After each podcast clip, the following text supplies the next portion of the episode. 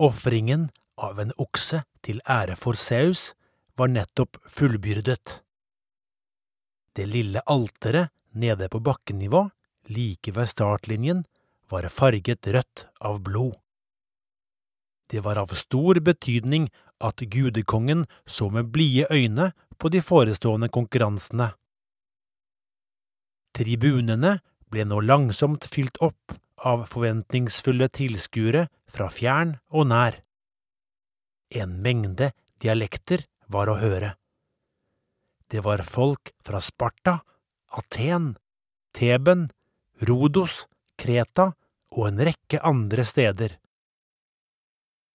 Utøverne sto oppstilt ved startlinjen og ventet nå bare på signalet som satte løpet i gang. En kunne se at de sitret av spenning. Ære og berømmelse sto på spill.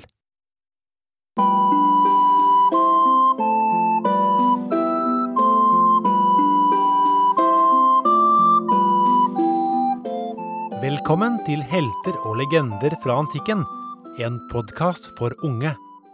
Episode 19 De olympiske leker. Tre milliarder TV-tittere. Så mange var det som så åpningsseremonien til de olympiske leker i Rio de Janeiro i Brasil den 5. august 2016.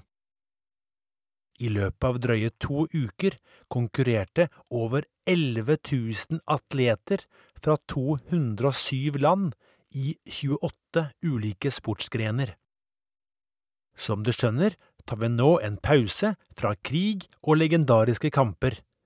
I denne episoden skal det dreie seg om fredelig kappestrid mellom idrettsmenn.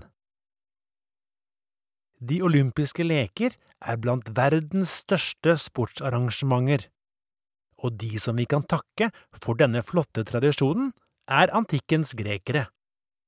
Det var også de som bestemte at lekene skulle avholdes hvert fjerde år. Men vi har ikke beholdt alle reglene som grekerne fulgte i de tidlige olympiadene. For eksempel hadde de en regel om at deltakerne skulle konkurrere nakne. Og da kan du like godt høre den nakne sannhet om et ord som har med idrett å gjøre, og som brukes over hele landet hver eneste uke, nemlig ordet gym. Kroppsøving, også kalt gymnastikk, er et fag i skolen. Vanligvis sier man bare gym. Men eh, hvor kommer ordet fra? Ordet kommer fra antikkens Hellas og det greske ordet gymnos. Og gymnos betyr rett og slett naken. Grunnen er at i antikkens Hellas ble idrett drevet uten klær, om det gjaldt løping, spydkasting, bryting eller andre idrettsgrener. Lenge etter antikken ble et ord som var svært likt gymnos, tatt opp i norsk språk, og etter hvert betydde ikke gym det å være naken, men å drive med sportsaktiviteter på skolen. Vi ser altså at betydningen av ordet har endret seg temmelig mye. I dag er det treningstøy som gjelder, ikke nakengym, og det synes vel de fleste er ganske ok. Men eh, tilbake til de olympiske leker. Grekerne i antikken var glade i sport og konkurranser, og vi vet at de begynte med dette veldig tidlig. De første olympiske leker ble gjennomført i år 776 før Kristus, og deretter ble det gjennomført hvert fjerde år i omtrent 1000 år.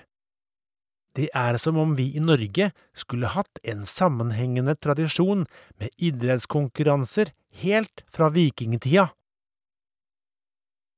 Opprinnelsen til de olympiske leker er innhyllet i myter. Allerede i antikken fantes det forskjellige historier om hvordan de først kom i stand. I alle disse spiller guder, halvguder eller andre overnaturlige vesener viktige roller. Ifølge én legende kan de olympiske leker føres tilbake til selveste helten Herakles, som fikk bygget en idrettsstadion til ære for gudekongen Zeus, som var faren hans. Visstnok skal Herakles ha gjort dette etter å ha utført sine mange heltebragder. Uansett hva mytene sier, oppsto de olympiske leker i alle fall på et sted som heter Olympia. Det er derfor de kalles de olympiske leker. Stedet Olympia må ikke forveksles med Olympusfjellet, hvor gudene bodde. Det dreier seg om to helt ulike steder. Olympia ligger temmelig langt sør i Hellas, mens gudenes fjell ligger mot nord. Det er viktig å merke seg at de olympiske leker i antikken ikke bare dreide seg om sport, men også om å ære gudene. Ofringer var en del av arrangementet, og det fortelles at det en gang ble ofret hele hundre okser til ære for Seus. Olympia var derfor et hellig sted hvor det i tillegg til idrettsanlegg også var gudetempler og gudestatuer. Det mest storslagne av alt var en tolv meter høy statue av Seus. Tolv meter er temmelig høyt, så det måtte bygges et gigantisk tempel for å huse den. Statuen var skåret ut i tre, men dekket over det hele med plater av hvitt elfenben fra elefanter og gull. Den forestilte gudekongen sittende på en svær trone. På hodet hadde han en dekorasjon som forestilte en seierskrans av olivengrener, og i sin høyre hånd holdt han en statuett av Nike, seiersgudinnen. Zeus-statuen i Olympia var så stor og imponerende at den var regnet som en av antikkens syv underverker. Det ble sagt at den var så flott at bare et kort glimt av den ville få en mann til å glemme alle sine jordiske problemer. Historikerne regner med at statuen sto der i nesten tusen år, altså omtrent like lenge som lekene pågikk men til slutt ble den ødelagt og gikk tapt. I motsetning til dagens leker var det i antikken bare menn som fikk lov til å delta. Men kvinner kunne være eiere av vogner som ble brukt i olympiske hesteveddeløp. Og det finnes skrifter som omtaler egne konkurranser i løping for ugifte kvinner men disse var ikke en del av de olympiske leker, som alt i alt var en veldig mannsdominert affære. Og konkurransene var bare for frie grekere, ikke slaver eller andre folkeslag som ikke snakket gresk. Denne regelen ble strengt håndhevet, og som vi har hørt, var det gymnos som gjaldt. Utøverne var med andre ord nakne. I de tidligste lekene ble det konkurrert i forskjellige løpsøvelser. Særlig var det populært med en sprint på noe under 200 meter. Ettersom årene gikk, ble andre idrettsgrener lagt til, som boksing, bryting, femkamp, stridsvognløp med hest, lengdehopp og diskoskasting. Diskos er en slags rund skive, og den vinner som kaster den lengst. I tillegg ble det innført en knallhard løpsøvelse, hvor atletene skulle løpe 1500 meter i full krigsutrustning, inkludert skjold, kroppsbeskyttelse og hjelm. Dette var en gren for skikkelige sterke krigere, for utstyret kunne veie opptil 30 kilo. Vinneren av en olympisk konkurranse fikk en krans laget av olivengrener. Dette er kanskje ikke så veldig mye sammenlignet med en skinnende gullmedalje, men en seier var ekstremt ærefullt, både for han som vant, og for byen han kom fra. Akkurat som i dag ga olympiske seire høy prestisje. I antikken var prestisje så viktig at en bystat kunne gjøre mye rart for å få fatt i en vinnerkandidat. For eksempel kunne den tilby masse penger. Dette skjedde med en langdistanseløper fra Kreta som var olympisk mester. Han ble tilbudt en høy pengesum fra en annen bystat, slik at han heller skulle konkurrere for dem. Dette sa han ja til, men da ble innbyggerne på Kreta så provosert at de like godt landsforviste ham. Tipper han angret på at han sa ja til det tilbudet. Når en olympisk vinner kom hjem til byen sin, kunne han regne med en skikkelig feiring, og noen ganger kunne det vente en stor pengepremie som påskjønnelse. Kanskje ville noen til og med lage et dikt eller en sang for ham. En atlet som hadde spesielt mange seire, kunne endog bli æret med en egen statue. Noen av deltakerne i antikkens leker var så navngjetne at vi kjenner navnet på dem den dag i dag. Dette gjelder for eksempel en viss Leonidas fra Rodos, som kunne notere seg for hele tolv olympiske seire i ulike løpsøvelser. Dette var faktisk en rekord som sto i 2168 år, helt til 2016, da en amerikansk svømmer greide å vinne sin 13. OL-gullmedalje. I antikken fikk vinneren all oppmerksomhet og ære. De som kom på andre eller tredjeplass, fikk ingenting. Det var ingen seierspall med gull, sølv og bronsevinnere, slik det er i dag. Og hvis du lurer på om de gamle grekerne hadde vinter-OL, så er svaret på dette nei. De første vinterlekene noensinne ble arrangert i 1924. Du lurer kanskje også på om maraton var en av øvelsene, men svaret er igjen negativt.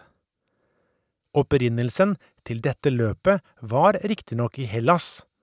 Vi husker soldaten som løp det han maktet fra maraton til Aten for å varsle om seier i et stort slag mot perserne. Men maraton i de olympiske leker er en temmelig ny idé. Øvelsen ble innført i 1896. I det året gjennomførte man de første moderne lekene. Det hadde da gått omtrent 1500 år siden de olympiske leker fant sted siste gang. De som jobbet for å gjenoppta tradisjonen, mente at det ville være spesielt flott å arrangere lekene i det landet som i sin tid hadde skapt dem. Det var derfor det ble bestemt å legge de første moderne lekene til Hellas og hovedstaden Aten.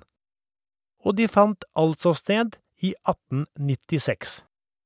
Siden den gang er de avholdt hvert fjerde år, med unntak av enkelte avbrudd.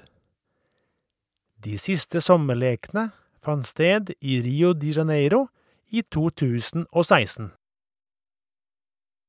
Antikken ligger langt tilbake, men forbindelsen mellom det gamle og det nye er tydelig i vår tids olympiske leker. Medaljene under Rio-lekene er et godt eksempel. På den ene siden av dem var det en avbildning av arrangementets logo, men på den andre siden var det et inngravert bilde av Nike, den greske seiersgudinnen. Men også på andre måter bygges det broer mellom nåtid og fortid. I forkant av hvert sommer-OL avholdes det en spesiell seremoni i Olympia, hvor kvinner kledd i drakter som de bar i antikken, høytidelig tenner den olympiske ild. Ilden brukes for å tenne den første fakkelen i en internasjonal fredsstafett.